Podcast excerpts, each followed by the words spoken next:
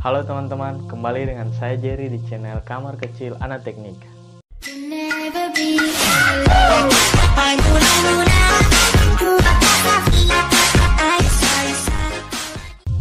Nah, di video kali ini saya akan membahas mengenai penggunaan gadget, tapi lebih khususnya ke penggunaan smartphone.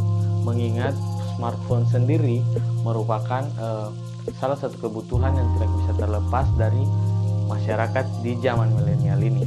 Bisa dilihat dengan penggunaannya ke mana-mana saja, pasti teman-teman semua e, menggunakan smartphone. Misalnya teman-teman mau ke sekolah, teman-teman bawa smartphone, mau ke pasar, teman-teman bawa smartphone, bahkan e, mau boker juga teman-teman bawa smartphone. Memang sih smartphone membantu kita dalam mengakses apa pun, tapi semestinya kita bijak dalam penggunaan smartphone tersebut. Berikut saya akan kasih tips ke teman-teman bagaimana menjadi pengguna smartphone yang sehat. Tapi sebelum lanjut ke videonya, teman-teman jangan lupa klik tombol subscribe yang ada di bawah ini.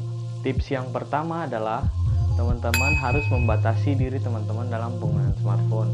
Misalnya, dalam mungkin untuk mengecek pesan dari kerabat-kerabat teman-teman mungkin itu masih bisa ditoleransi. Namun bila hanya untuk mengecek status atau postingan seseorang sebaiknya itu dibatasi.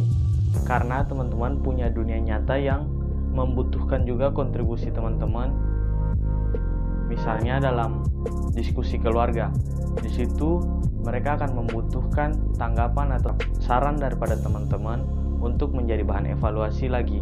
Namun bila teman-teman hanya sibuk untuk bermain smartphone teman-teman, itu membuat teman-teman tidak memiliki kontribusi dalam evaluasi dalam keluarga tersebut.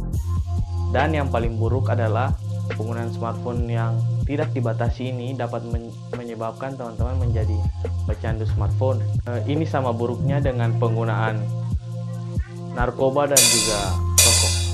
Bahkan yang paling buruk teman-teman bisa terkena penyakit nomofobia yaitu no mobile phone phobia.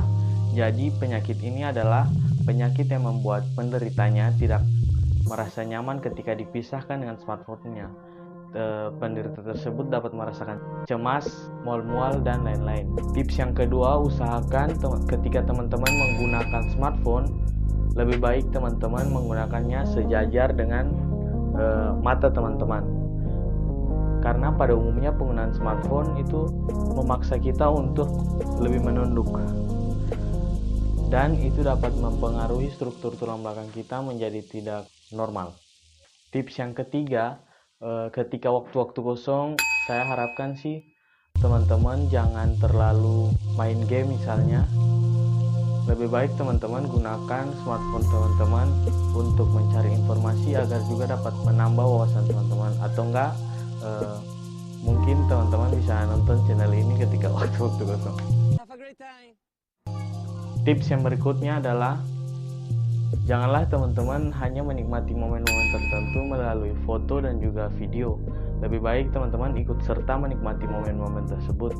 Misalnya pada momen reuni misalnya di situ teman-teman bisa berbincang-bincang dengan teman-teman kalian siapa tahu teman-teman bisa balikan sama mantan teman-teman yang udah terpisah lama mungkin. Oh no. Memang smartphone pada dasarnya udah smart dan tidak bisa uh, terpisah oleh kehidupan kita. Bisa dilihat teman-teman yang sedang nonton video ini juga pasti menggunakan smartphone. Tapi kita sebagai manusia juga harus tidak boleh kalah smart dengan benda tersebut. Mengingat benda tersebut juga dibuat oleh manusia. Sebagai manusia, kita juga harus membagi waktu agar dunia kita seimbang. Dampak yang paling buruk dari penggunaan smartphone ini adalah kematian. Kenapa? Karena disebabkan oleh kurangnya aktivitas fisik. Menurut data WHO, penyakit yang dapat menyebabkan kematian itu yakni eh, diabetes, hipertensi, kanker, dan lain-lain. Oke teman-teman itu mungkin yang bisa saya bagi di hari ini semoga informasi ini bermanfaat dan ingat eh, penggunaan smartphone ini juga semestinya tidak menyampingkan eh, kewajiban-kewajiban kita seperti beribadah misalnya. Sekian video saya hari ini jangan lupa like, komen, dan juga share video ini. Terima kasih, Amato.